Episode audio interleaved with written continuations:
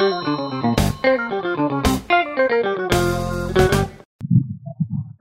pengalaman saya mengajar, uh, saya pernah ya, saya pernah uh, apa ya melakukan terapi ya. Saya bilang terapi karena saya uh, memberikan shock terapi ya, terapi kejut ke salah satu siswa. Dia pinter ya, dia pinter cuma jahilnya isengnya itu kebangetan. Akhirnya saya bilang sama dia, kalau nanti ketika kamu melakukan keisengan dan kejahilan itu membahayakan teman kamu sendiri, ya kan, teman-teman sekelas sendiri, nanti Mr. Budi yang akan menghubungi mama papa kamu. Dan akhirnya kalau karakter orang yang iseng, yang bandel itu sebenarnya butuh perhatian. Oh. Butuh perhatian dari lingkungan sekitar, mungkin dari rumah, ya mungkin dari rumah papa dan uh, mamanya mungkin uh, sibuk bekerja. Ya. Kemudian ketika jam sekolah juga butuh perhatian dari lingkungan ke gurunya, ke teman-temannya segala macam. Nah, itu itu memang tetap harus dirangkul, tetap kita harus uh, berikan porsi yang sama. Kalaupun kita berikan porsi yang lebih nggak apa-apa, karena tujuannya bukan dia manja ke kita, bukan, ya. bukan kita selalu memenangkan dia juga bukan, tapi kita de, kita apa namanya kita berikan pendekatan yang ya kita nyentuh lah, nyentuh hatinya. Kalau kita udah bicara dengan hati, ya insya Allah nanti diterima dengan hati. Jadi uh, dan itu alhamdulillah sampai ketika saya bilang seperti itu dan akhirnya dia berubah sedikit demi sedikit. Dan akhirnya uh, prestasinya juga mulai meningkat gitu. Gitu mas. Angga mas Mahe. Uh, Gak kebayang tuh bayangin punya anak pinter tapi uh, jahil. Kan rumit juga tuh. Ya betul. Otak kanan dan kirinya seimbang tuh ya mas Budi saking kreatif ya, kali. Uh, ke sana kemari ya. Jadi karena udah yeah. merasa uh, pintar gitu segala macam ya udahlah gampang lah ini segala macam. Tapi intinya sebagai seorang guru ya kita bisa melihat bagaimana kita bisa masuk ke seorang anak ya. Jadi kita tidak bisa kita tidak uh, boleh mempermalukan dia di depan teman-temannya tapi tapi tetap kita ya.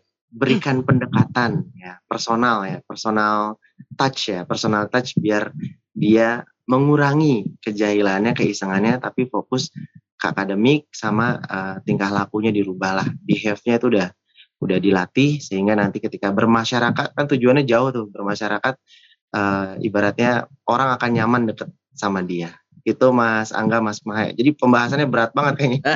Tapi tapi menarik gitu Mas Budi. Ini yang yang harus kita setidaknya kita sebarkan mindsetnya gitu loh Mas Budi. Karena uh, menurut pengalaman dan penglihatan kita kan masih banyak gitu ya Mas Guru dan Mbak Guru di luar sana yang metodenya ke siswa tuh masih pukul rata tuh Mas Budi ya. Nah. Jadi uh, ya dengan dengan cara lama gitu. Betul betul. Padahal sama semua. Nah sekarang nggak bisa lagi begitu gitu. Okay. Mungkin ada orang yang ada siswa yang butuh seperti yang tadi itu, yang iseng butuh pendekatan yang berbeda gitu. Nah mungkin Mas Mai ada pertanyaan. Tadi nyambung ini sebenarnya. Oh nyambung. saya bisa menangkap apa yang Mas Mai pikirkan ya. Jadi yang dalam pikiran saya itu ternyata memang kita harus menyadari bahwa sebagai seorang guru itu pendekatan uh, personal itu tetap perlu ya bang ya maksudnya dan uh, seberapa jauh kita perlu memperhatikan personal kan kalau misalnya yang ada dalam bayangan saya kalau di sekolah swasta mungkin terbatas eh, jumlahnya nggak terlalu banyak. Tapi kalau negeri gitu bang maksudnya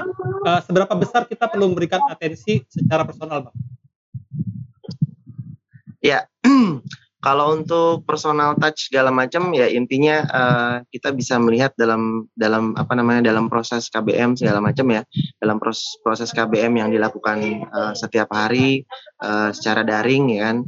Nah itu kan kita bisa tahu uh, kadang ada satu anak yang sering uh, matiin kamera itu saya udah ngingetin dari pagi tolong uh, kamera dimatiin jangan sampai dimatiin. Tetap aja gitu kan.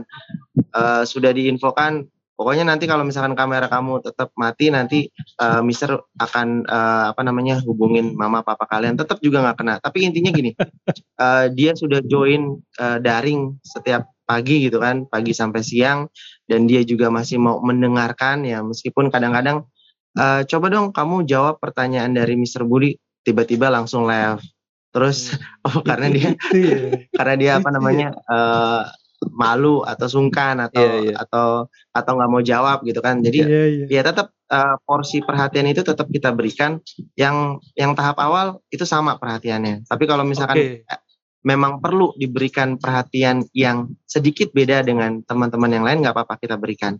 Intinya uh, apa yang dia lakukan itu memang harus dikomunik uh, dikomunikasikan ke orang tua biar orang tua juga tahu. Kadang-kadang orang tua mungkin mikir ah anak saya udah join uh, online tiap hari di depan laptop ya kan, tiap hari dengerin gurunya uh, ngomong, uh, tiap hari dengerin gurunya ngajar. Tapi ada satu ketika yang mungkin orang tua juga perlu ada informasi atau feedback dari guru bu tadi si uh, si A seperti ini seperti ini si B seperti ini. Oh gitu ya mister ya. Yaudah nanti saya coba cek biar uh, bisa bisa apa namanya bisa intens bisa fokus dalam pembelajaran online. Begitu Mas Angga Mas Mahe. saya nih dari tadi jadi ngebayangin ketika Mas Budi baru masuk kelas apa yang dilakukan? Kebayang nih e, cara membawakan dirinya persona yang dibangunnya gitu. Jadi kebayang gitu sehingga uh, bisa menjadi sosok guru yang yang dinanti nih sama siswanya betul, gitu. Betul. Nah ini kan sebenarnya yang berat ya Mas Budi ya karena uh, karakter betul. guru juga kan beda-beda nih ya. Ada ada guru yang yang mungkin tidak bisa tuh bermain peran seperti itu tuh. Taunya cuma satu aja. Ya pokoknya masuk ngajar, suruh buka buku dan dan seterusnya gitu ya. Padahal karakter siswa-siswa sekarang dengan generasi milenialnya sangat berbeda ya Mas Budi dengan zaman kita dulu ya Mas Budi ya. Betul, sangat berbeda betul.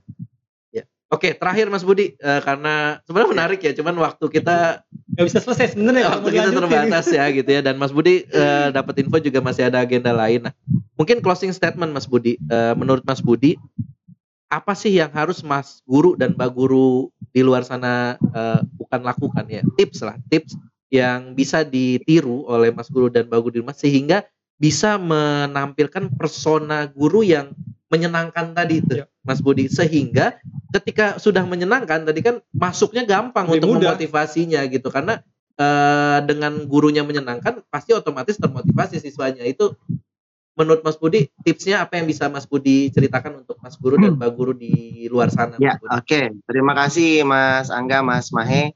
Uh, saya hanya menuliskan mungkin uh, tiga hal ya, atau bisa uh, sharing tiga hal. Yang pertama, love what you do. Jadi mencintai apa yang kita lakukan. Kalau kita sudah mencintai peran kita, uh, kita hanya melakukan satu pekerjaan, menuntaskan pekerjaan. Tapi kalau kita tidak suka, kita melakukan dua pekerjaan. Yang pertama, berusaha mencintai. Yang kedua, berusaha untuk menuntaskan pekerjaan. Jadi kita daripada sia-sia melakukan dua pekerjaan, mendingan kita milih yang yang pertama yang satu aja yaitu mencintai pekerjaan. Sehingga ketika kita sudah mencintai pekerjaan, mencintai peran kita, uh, nyaman aja gitu kan. Mau apa pun tantangannya, mau apa pun hambatannya, yang ada pasti ada jalan. Jadi kalau kita sudah punya kemauan, sudah punya keinginan yang kuat untuk bisa mentransfer ilmu yang kita punya ke siswa-siswa siswa-siswi kita, nah itu akan ngalir. Jadi uh, yang pertama adalah love what you do, Kemudian yang kedua keteladanan.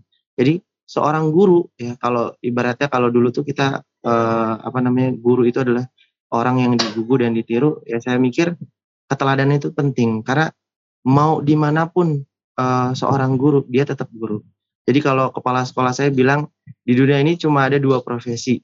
Yang pertama profesi guru dan yang kedua profesi bukan guru. Nah, ketika kita milih menjadi guru berarti otomatis keteladanan itu kita harus tampakkan. Bukan hanya ketika di depan murid, bukan hanya ketika di depan orang tua murid, bukan hanya di depan rekan-rekan guru, bukan. Tapi di lingkungan, di mana pun. Jadi ibaratnya guru itu melekat sepanjang hayat, sepanjang hidup dia. Itu yang kedua. Yang ketiga, kreativitas. Kreativitas perlu dimunculkan. Kenapa? Karena ketika seorang guru sudah memberikan ide-ide yang baru, meskipun itu hanya, uh, oh itu mah sudah banyak di konten YouTube, di channel YouTube segala macam. Tapi ketika seorang guru memberikan uh, sentuhan yang berbeda gitu kan, ya mungkin kalau untuk perkalian kita disuruh menghafal ya satu kali satu, uh, satu kali dua, satu kali tiga segala macam. Itu zaman bahla gitu kan. Tapi kalau sekarang mungkin kita hanya menghafal skip counting atau bilangan meloncat. Contoh misalkan perkalian 5, 5, 10, 15, uh, 20 dan seterusnya. Nah, itu metode-metode kreativitas atau mungkin bukan hal yang baru tapi pembawaan kita, metode yang kita ajarkan ke anak itu bisa jadi ditangkap sama anak dan kreativitas yang ada uh, yang kita munculkan di kelas, nah itu akan berimbas kepada kreativitas siswa-siswinya yang kita ajar.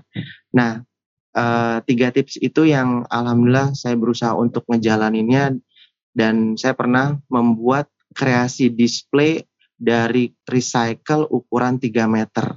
Jadi saya buat kurang lebih dibantu sama siswa-siswa saya itu sekitar dua minggu kita saling bahu membahu dan saya hanya memberikan arahan tolong bagian ini diisolasi tolong bagian ini di lem dan akhirnya kita bisa menciptakan uh, apa sih inside out ya inside out itu anger inside out itu ukuran 3 meter dan itu prestasi yang luar biasa awalnya dari inisiatif guru kreativitas guru anak murid atau siswa-siswi kita tangkap dan akhirnya menciptakan hasil karya kelas yang luar biasa. Itu Mas Angga dan Mas Mahe. Mantap sekali, luar biasa. Respect banget Mas Budi untuk Mas Budi dan teman-teman di sekolah Mas Budi di Global Mandiri ya. Global Mandiri. Terima kasih, terima kasih Mas Angga, Mas. Salam buat semua teman-teman Mas dan Mbak Guru ya, Mas Budi ya. Ya, oke okay, Mas Budi, eh, terima kasih banyak dari kami. Uh, mungkin next time kita bisa sambung lagi Mas Budi ya, uh, biar lebih dalam lagi nih. Cuman siap, untuk siap, untuk tahap awal katanya cukup ya. Cukup. Semoga bisa dan pasti sangat menginspirasi. Betul betul betul betul. Itu sekali lagi terima kasih untuk Mas Budi uh, atas waktunya, atas kesetiaannya. Mohon maaf direpotin. Berbagi cerita, mohon maaf sudah direpotkan. Sehat-sehat Mas gak Budi. masalah, gak masalah. Sehat-sehat Mas Budi ya. Terima kasih banyak. Assalamualaikum warahmatullahi wabarakatuh. Ya. Waalaikumsalam warahmatullahi wabarakatuh, Mas Angga, Mas Mahe. Terima kasih banyak. Sama-sama, Mas Budi. Gimana Mas Mahe? Dalam, mantap, ya? luar biasa. Jadi semua. memang sebagai seorang guru harus membangun persona sebenarnya. Iya, iya, iya, iya. Ya, karakteristik yang dibangun ya sehingga siswa tuh jatuh cinta benar sama diri kita sebagai gurunya dan akhirnya bisa menikmati pelajaran akhirnya bisa masuk betul untuk entah itu memotivasi betul betul memberikan nasihat ya. uh, dan apa pun itu ya. jadi didengar lah ya. Oke okay? kalau kita ada kesempatan kita main-main nanti ke sekolahnya Mas Pasti itu ya. menarik banget. Kita pasti. punya segmen juga kan katanya nanti setelah ini kunjungan. untuk kunjung-kunjungan ke sekolah Sudah, ya. Benar, benar, Ditunggu ya. Ya uh, masih rahasia segmennya nih. Oke, okay? cukup Mas Maya? Cukup. Kita tutup dulu episode kali ini. Sampai ketemu di episode berikutnya. Terima kasih Mas Guru dan Mbak Guru di rumah. Ya. Silakan Mas Maya quotes-nya guru yang baik tahu bagaimana membawa yang terbaik dalam diri siswanya.